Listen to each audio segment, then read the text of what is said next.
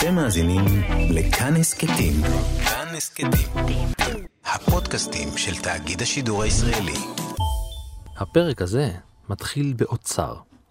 בארכיון תאגיד השידור הישראלי, מה שהיה בעבר ארכיון רשות השידור ושעובר תהליך ארוך ומורכב של דיגיטציה, נמצאה הקלטה של כל ישראל משנות החמישים. לפני כשלוש מאות שנה, כשנקלע ויליאם השלישי מלך בריטניה לסערה עזה בלב ים, לא ידע את כל התוצאות שתביא בעקבותיה. השבוע נתברר כי עקב אותה סערה עשויה אזרחית ישראלית לקבל זכויות טריטוריאליות בלברדור שבמערב קנדה. כן, אני יודע, זה נשמע קצת מוזר, קצת מבולבל, אבל אל חשש, אנחנו עומדים לעשות בו סדר. בגדול, מה שנאמר כאן זה שבעקבות אירוע שקרה לפני 300 שנה, תושבת חיפה עומדת להפוך לבעלים החוקיים של חצי אי בקנדה. ולא סתם חצי אי, אלא חצי האי לברדור, כמעט מיליון וחצי קילומטרים רבועים.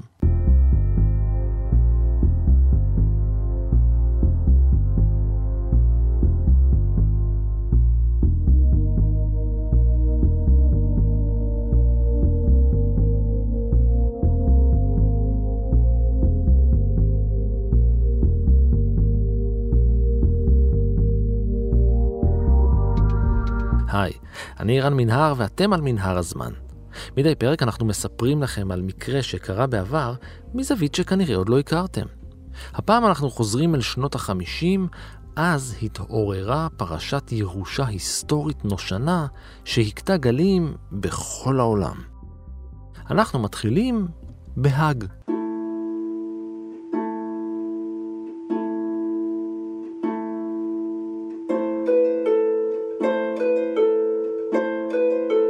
במהלך חודש אוקטובר של שנת 1650 חלה נסיך אורניה, ויליאם השני, באבעבועות שחורות. נסיכות אורניה ההולנדית עמדה להיוותר ללא שליט, ובימים האחרונים של החודש זה קרה. ויליאם השני מת מהמחלה, ואשתו ההריונית נותרה לבדה. אבל אל תדאגו לה, היה מי שדאג לה, קראו לה הנסיכה מרי, ואבא שלה היה המלך צ'ארלס הראשון, מלך אנגליה, סקוטלנד ואירלנד, ואחיה היה יורש העצר.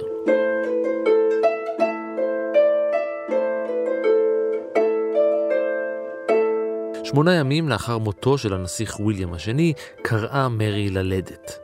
ב-4 בנובמבר היא הביאה לעולם את בנה יחידה, וילם הנדריק, ויליאם הנרי, שהפך לנסיך השליט בפועל של אורניה ברגע שהפסיק לבכות.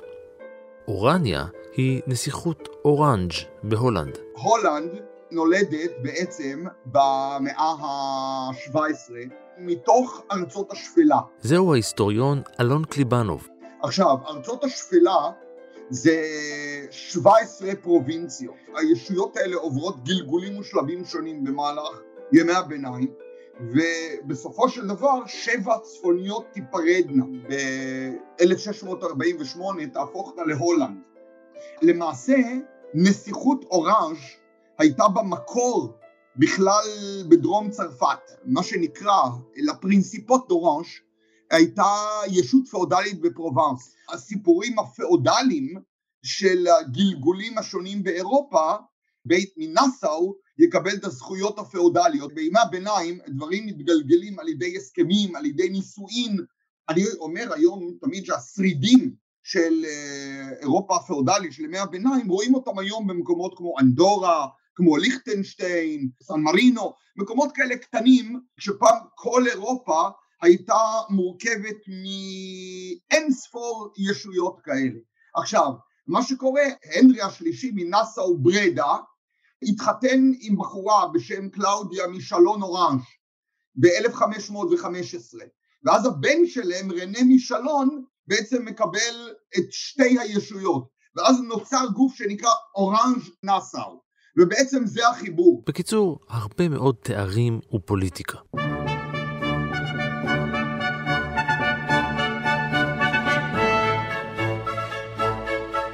כיאה לנסיכה אנגלית מיוחסת, מרי השתדלה לברוח כמה שיותר מהולנד.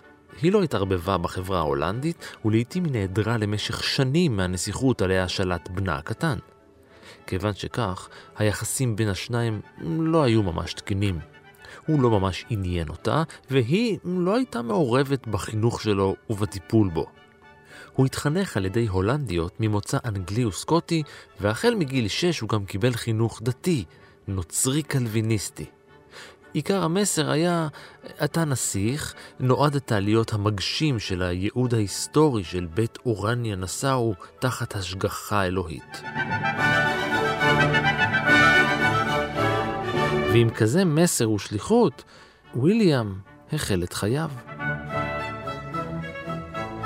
כשהיה בן תשע, בתמיכה, מימון ודחיפה של המדינות השונות של הולנד, הוא החל ללמוד באוניברסיטה.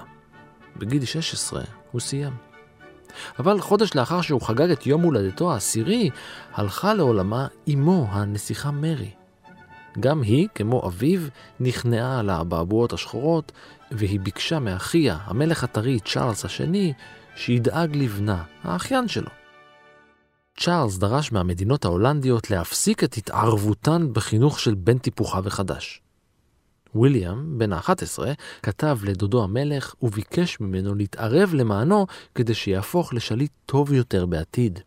החינוך והאפוטרופסות של ויליאם הפכו לנקודת מחלוקת בין תומכיו כשליט אנגלי ובין תומכי הולנד כישות הולנדית. ואז פרצה מלחמה.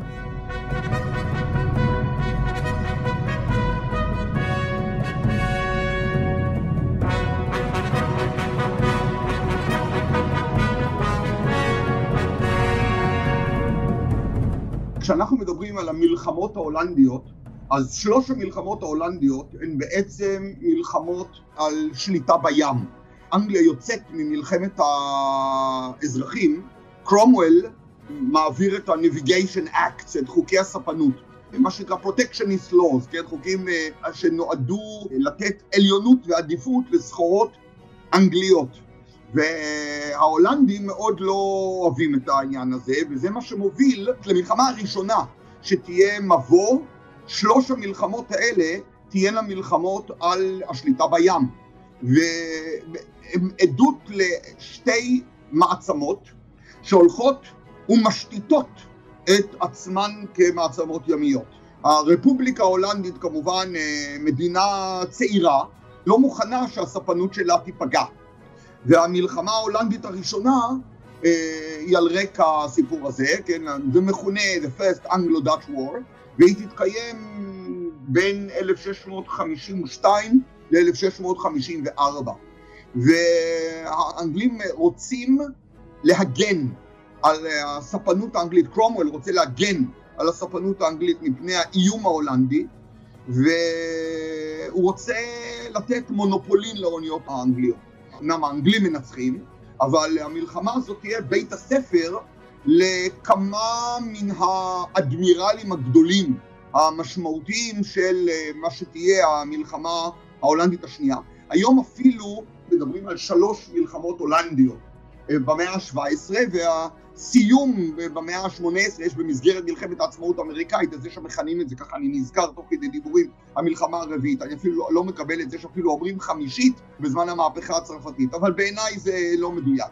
מה שאני רואה כמלחמה המשמעותית, ודאי המפורסמת מכולן היא השנייה, ובשנייה זה אחת מההשפלות הגדולות לאנגלים, מכיוון שההולנדים בשורה של ניצחונות מרהיבים, מנצחים את האנגלים, כולל הכניסה לתוך התמזה, מה שנקרא ההתקפה על המדווי, ויש קרב ארבעת הימים, שורה של ניצחונות הולנדים אדירים.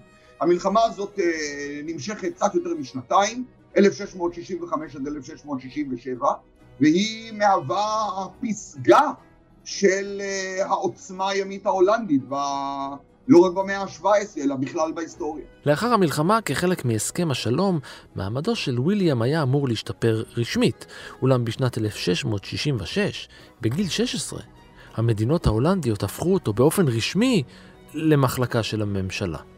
זאת אומרת, לשלוחה של הולנד, וזה אומר שכל אנשי החצר האנגלים מודרו. חינוכו של ויליאם עבר לאחריותו של יוהאן דה ויט, הפוליטיקאי הבכיר ביותר בהולנד, שהדריך את ויליאם מדי שבוע בענייני פוליטיקה, ממשל ומדינה.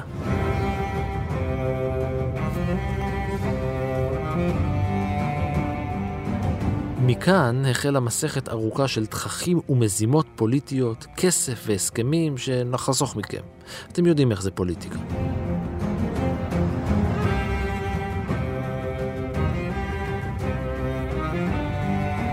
כשהיה וויליאם בן 22, הכתה בהולנד שנת 1672.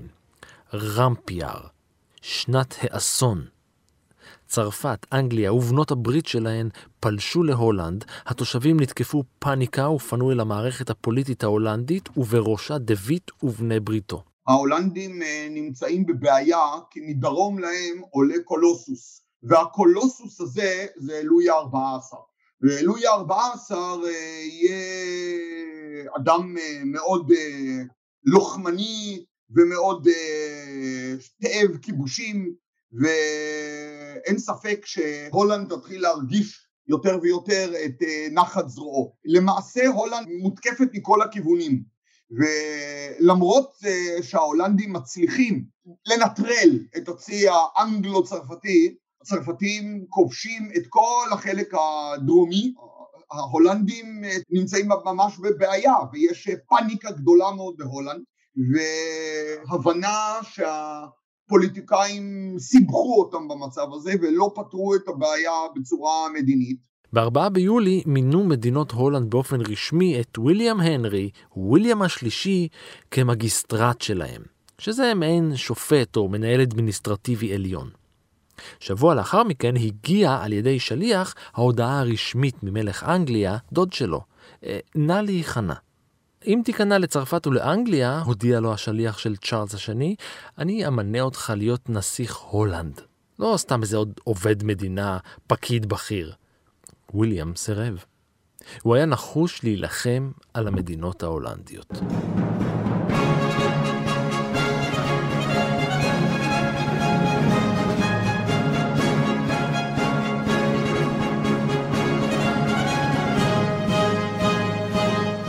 חבר לספרד וברנדנבורג, ולקראת סופה של השנה הארורה איים על קווי האספקה הצרפתיים. בתחילת השנה שלאחר מכן, המצב השתפר פלאים, לאחר שהצי האנגלי-צרפתי ספג מפלות חוזרות ונשנות, עד שצ'ארלס האנגלי התקפל. בלית ברירה, צרפת נסוגה גם היא.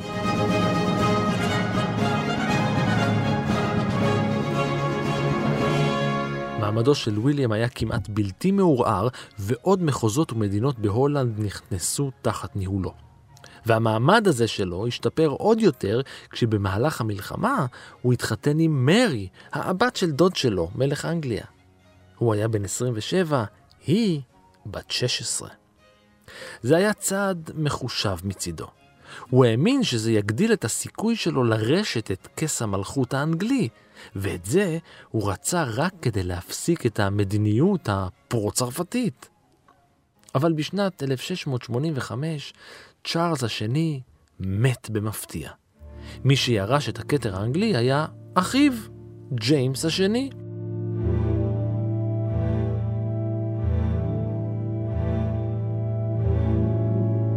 ברור שהמוות שלו היה מוות טבעי, אין לנו הערכה לפוילשטיק אה, או משהו כזה. הוא היה ידוע גם כהולל גדול.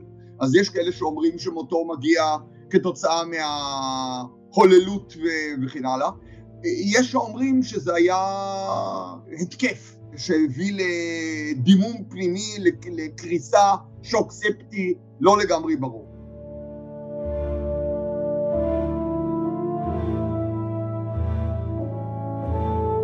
ויליאם מהולנד ניסה גישה פייסנית כלפי המלך החדש.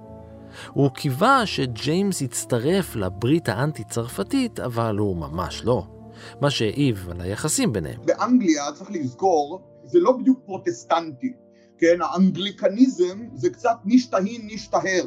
בגדול, ג'יימס השני היה מאוד מאוד אה, יחסו לקתוליות היה מאוד מאוד מתון, לא רק שהוא היה מתון, אלא הוא התחתן עם אישה קתולית, עכשיו גם צ'ארלס התחתן עם אישה קתולית, עם הנריאטה מריה. עכשיו כשג'יימס בגלוי מדבר על אה, סירוב לכל פגיעה כלשהי בזכויות הקתולים, ואז הוא בעצמו ממיר את דתו באופן רש, רשמי, ובפרלמנט היה חשש מפני המדיניות הקתולית שלו, הוא מתנגד לחוקים נגד, נגד הקתולים, אבל בסופו של דבר הוא מתחתן עם מרי ממודנה, שהייתה נסיכה איטלקייה, קתולית כמובן, וכאשר נולד להם בן, אז היה באנגליה פחד גדול, כן, כי אז היה עוד תקף החוק של עליונות הזכרים, זאת אומרת שזכר תמיד אה, צריך לשלוט קודם,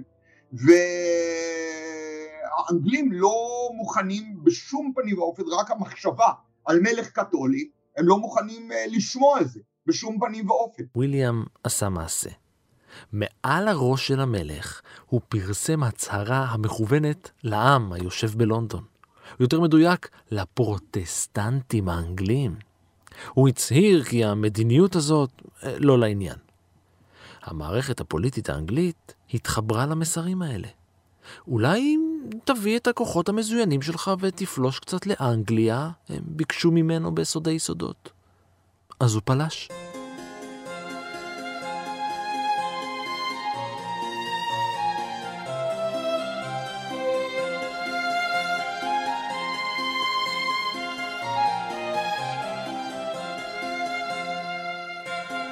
באפריל 1688 הוא החל להרכיב את הכוח למשימה. בתחילת נובמבר הוא נחת עם צי ימי עצום ועשרות אלפי חיילים בדרום מערב האי האנגלי, ומיד הכריז על חירויות אנגליה והדת הפרוטסטנטית, עליה הוא התחייב להגן.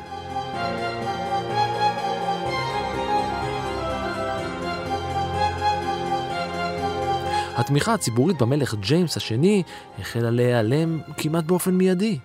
קצינים פרוטסטנטים ערקו מהצבא האנגלי, והצילים רבי השפעה הכריזו על תמיכתם בוויליאם הפולש.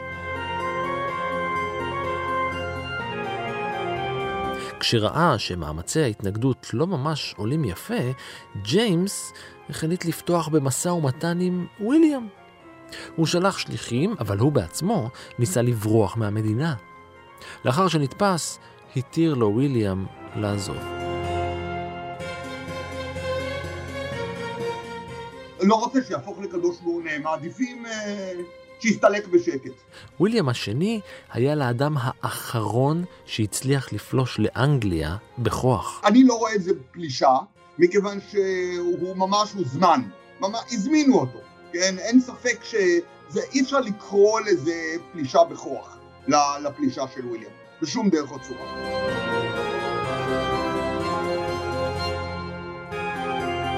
ב-22 בינואר 1689, כשהוא בן 39, כינס וויליאם את הפרלמנט האנגלי כדי לדון בשאלה מה עכשיו? מה עושים עכשיו כשג'יימס עזב? ההצעה הראשונה שעלתה הייתה להכתיר את מרי כמלכה. למרות שלמלך המודח היה בן תינוק, יורש טבעי לכתר, דווקא אשתו של ויליאם, הבת של המלך הקודם ואחותם של שני המלכים הקודמים, נחשבה ליורשת. אבל ויליאם רצה להיות מלך בזכות עצמו, לא בגלל שהוא נשוי למלכה. הוא איים לעזוב את המדינה באופן מיידי, ומרי, שנותרה נאמנה לבעלה, סירבה. בית הנבחרים החליט במהירות כי כיוון שהמלך ג'יימס ברח, כס המלכות פנוי, וכי בטוח יותר אם השליט יהיה פרוטסטנטי. ואם הכס פנוי, אז למה שלא תשב עליו מרי כמלכה, ולצידה וויליאם כמלך? בהיסטוריה האנגלית מוכרת דוגמה אחת ויחידה של מלך ומלכה. בואי נאמר שני מונרכים באותו מעמד. ממה שידוע לי, שום מקרה אחר, היו כל מיני סיפורים, היה במאה ה-12 עם המלכה מוד וכולי, לא היה, לא היה תקדים לדבר כזה. וויליאם דרש להישאר כמלך גם לאחר מות אשתו. הכתר הוצע לוויליאם ולמרי כריבונים משותפים, כשהפעלת הכוח המלכותי תהיה בידיהם באופן בלעדי ומלא רק במהלך חייהם המשותפים. זה מאוד מאוד חריג גם, ב... גם בהיסטוריה העולמית. אה, דבר כזה. מאוד מאוד חריג ששני אנשים מקבלים מעמד שווה, בדרך כלל זה מלכה בן זוגה או מלך ובת זוגו. ופה מלך ומלכה ביחד זה דבר מאוד מאוד חריג ויוצא דופן. ב-11 באפריל 1689 הוכתרו ויליאם ומרי יחד בכנסיית וסטמינסטר.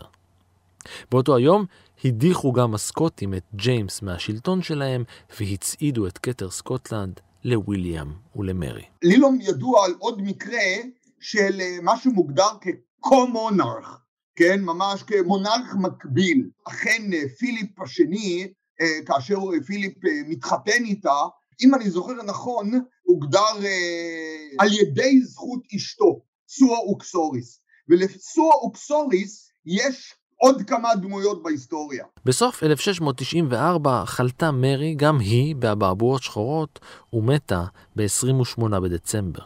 וויליאם היה שבור. זה היה חורף קשה במיוחד, קר מאוד, נהר התמז קפא בלונדון, וטקס הקבורה שלה בכנסייה בה התחתנה היה הראשון בו השתתפו כל חברי שני בתי הפרלמנט. שנה לאחר מכן, וויליאם עצמו כמעט מת בתביעה. מזל שהיה שם הולנדי אחד, סוחר יהודי, שהציל אותו, והחל סאגה משפטית שנגמרה רק אחרי 300 שנה.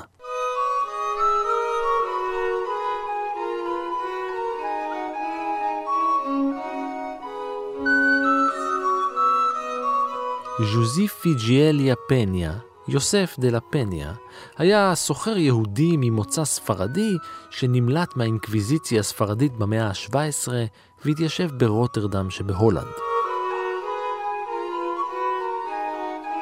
היו לו הרבה מאוד כסף וספינות, והוא מימן לא אחת אוניות מלחמה פרטיות. על פי אחד הסיפורים, באחד הימים, כשיצא ויליאם להפלגה בים סוער, טבעה האונייה עליה הפליג, והמלך האנגלי החל לטבוע. יוסף דה לפניה היה זה שהציל את חייו. לפי גרסה אחרת של הסיפור, דה לפניה פשוט עגן יום אחד לחופי לברדור וטבע את השטח בשם ויליאם מאורניה. לפי גרסה שלישית, אחת הספינות של דה לפניה הגנה על החוף האנגלי מפני התקפה של הצרפתים בשנת 1696. אבל כנראה שמדובר בתגמול, לאחר שקברניט של אחת מספינותיו של דה לפניה הגן על החוף האנגלי, בכך שנלחם בשתי ספינות צרפתיות בפברואר של אותה השנה.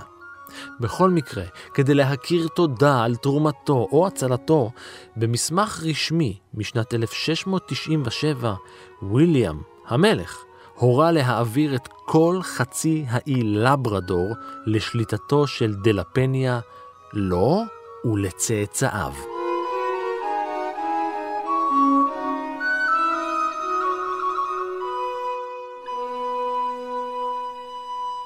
חצי האי לברדור, או חצי האי קוויבק לברדור, שוכן במזרח קנדה.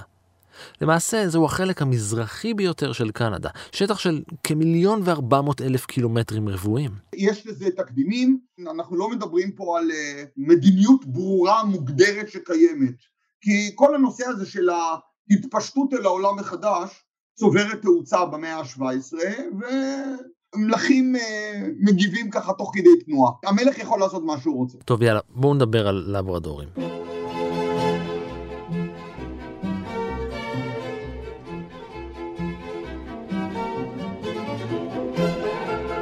לפני הגעתם של האירופים ליבשת החדשה, חצי האי היה מיושב בעיקר על ידי אנשי הקרי והומת האינו, שקראו למקום הזה ניטסינן, הארץ שלנו.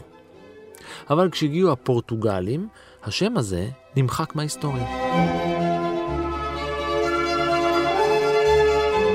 בשנת 1499 מינה מלך פורטוגל מנואל הראשון את החוקר ז'ואאו פרננדז לברדור לחקור את צפון האוקיינוס האטלנטי. והוא היה זה ששרטט את קו החוף של האזור. הוא הבחין לראשונה באי העצום גרינלנד וקרא לו Terra do Lavrador, lavrador בפורטוגזית זה חקלאי או בעל קרקע. בספרדית labrador זה עובד אדמה. הוא קרא לה הארץ של לברדור, על שמו. אבל למרות שהייתה קפואה לחלוטין, גרינלנד הפכה לארץ עובדי האדמה. זה לא ממש תפס. השם דבק בחצי האי ניטסינן. אבל הפורטוגלים לא נותרו שם לעד. זוכרים שקנדה היא חלק מהאימפריה הבריטית, כן? בפרק הו קנדה סיפרנו את סיפורה של המדינה המיוחדת הזאת. הסיפור של קנדה מורכב, מכיוון שהאנגלים המתפשטים לצפון אמריקה כמובן יתחילו עם המושבות וההתיישבות האנגלית תהיה לאורך, ה... בוא נאמר, בחלק היותר דרומי בהתחלה ובאמת צרפת תהיה זאת הראשונה שתתפשט יותר למרחב של נובל פרנס, זה יהפוך להיות לצרפת החדשה. יחד עם זאת, האזור של אכדיה אה, יעבור בסופו של דבר לאנגלים.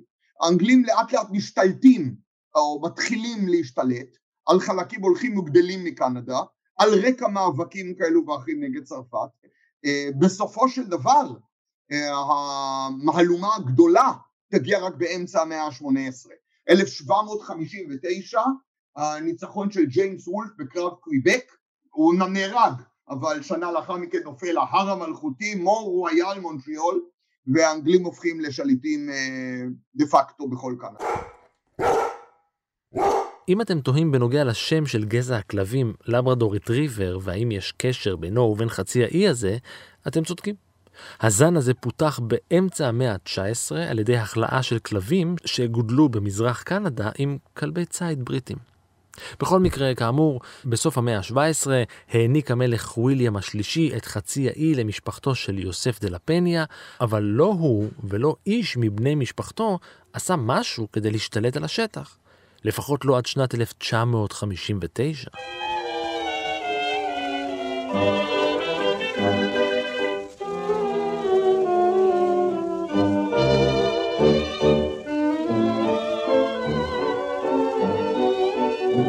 המלך ויליאם השלישי הלך לעולמו בשנת 1702 מדלקת ריאות. הוא נפל מסוס, שבר את עצם הבריח והזיהום חדר אל ריאותיו. הוא נקבר לצד אשתו. גיסתו, אן, הפכה למלכה של אנגליה, סקוטלנד ואירלנד. הצו על הבעלות על השטח העצום אושר מחדש, גם בשנת 1732 וגם בשנת 1768. בסוף שנת 1926, אייזיק דה לפניה, אחד מצאצאיו של הסוחר מרוטרדם והרב הראשי של היהודים הפורטוגזים במונטריאול, פנה אל בית המשפט באנגליה ותבע את זכויות המשפחה על השטח. הוא הציג מסמך, חתום על ידי המלך. הננו נענים בזה לבקשת יוסף דה לפניה, אזרח ותושב העיר רוטרדם, ומקנים בזה זכות קניין וחזקה לגובה, לשטח ולעומק של השטחים הללו וחופיהם, לו וליורשיו.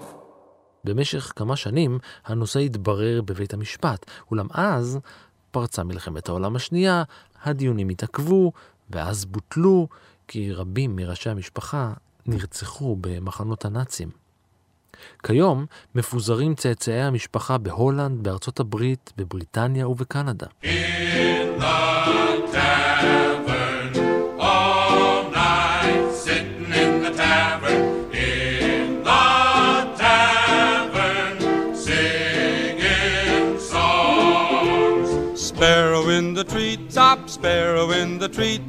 תחת הכותרת הגשת חשבון לכס המלוכה, בתשעה בספטמבר 1951 התפרסמה ידיעה במילווקי סנטינל, לפיה הלוואה שלכאורה ניתנה על ידי ויליאם מאורנג' עשויה בקרוב לפתוח מאבק משפטי בעניין הבעלות על לברדור. Been out all night. קבוצה מצאצאי דלפניה מאירופה וגם מישראל פנו שוב לבית המשפט. המשפחה היהודית מהולנד לא עשתה לפני 300 שנה צעדים מיידיים להשתלטות על חצי האי. אך בימים אלה, משנתגלתה בגנזי המשפחה תעודת השי המקורית, הוגשה התביעה מחדש. בלומה רוזנברג, תושבת חיפה, עומדת לתבוע את חלקה בחצי האי לברדור במזרח קנדה, בטענה כי היא מצאצאי המשפחה היהודית ההולנדית דה לפניה. דיווח העיתון דבר ב-10 בדצמבר 1959. בני משפחה זו טוענים כי חצי האי לברדור, המהווה כיום חלק מקנדה, והעשיר באוצרות טבע, הוענק במאה ה-17 לסוחר היהודי ההולנדי יוסף דה לפניה, ליורשיו ולצאצאיו, על ידי המלך ויליאם השלישי, כגמול על הצלת חייו בעת שאונייתו הייתה נתונה בסכנת טביעה. עתה התארגנו בהולנד בני משפחה זו כדי לפעול למען החזרת חצי האי לידיהם. בלומה רוזנברג נכתב בידיעה היא ילידת אמסטרדם שעלתה לארץ בשנת 1949. היא סיפרה כי היא בת למשפחת דל מונטה, הקשורה בקשרי נישואים עם משפחת דלה פניה, ולדבריה היא נצר יחיד למשפחה הזאת בישראל.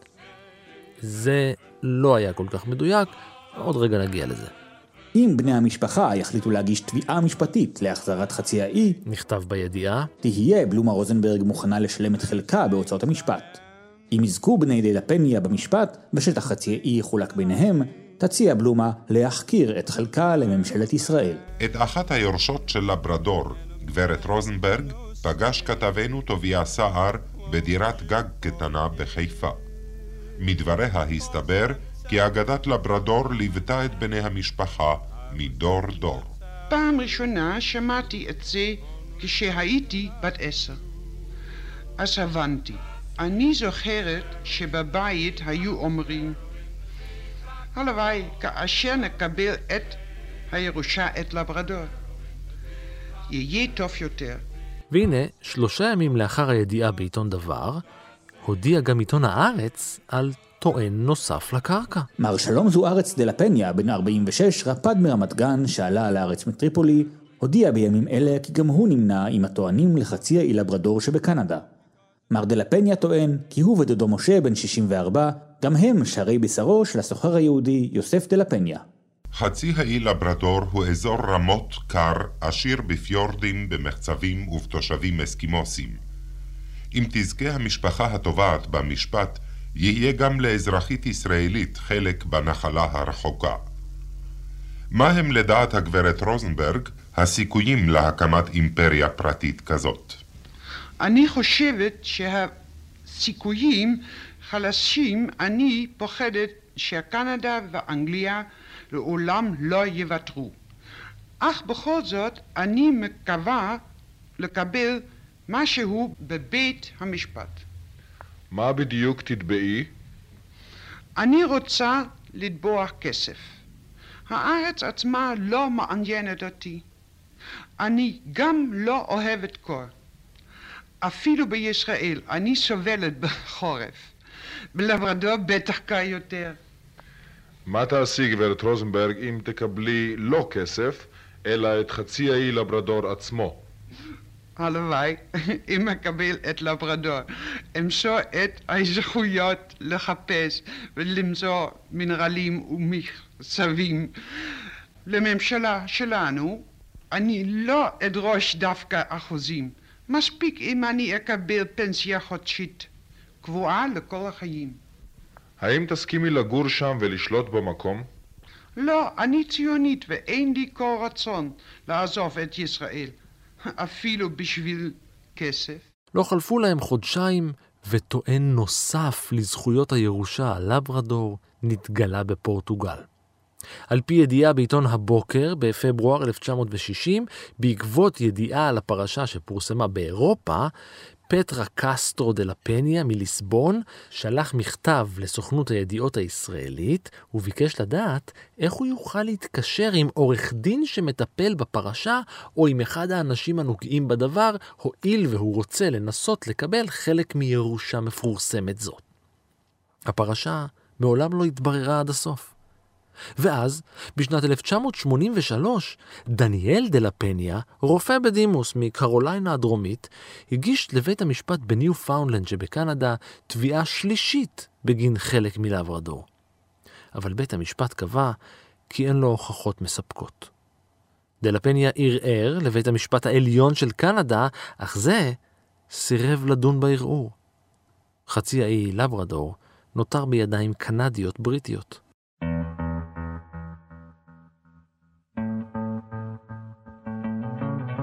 ועד כאן מנהר הזמן להפעם.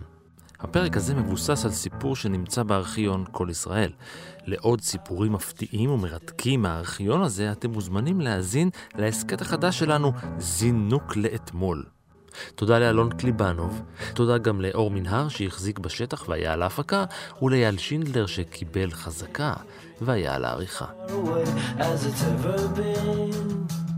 עוד סיפורים מההיסטוריה ופרקים אחרים של מנהר הזמן מחכים לכם כל העת באתר שלנו, באפליקציה כאן, בכל יישומון הסכתים אחר וגם ביישומון הרכב של כאן.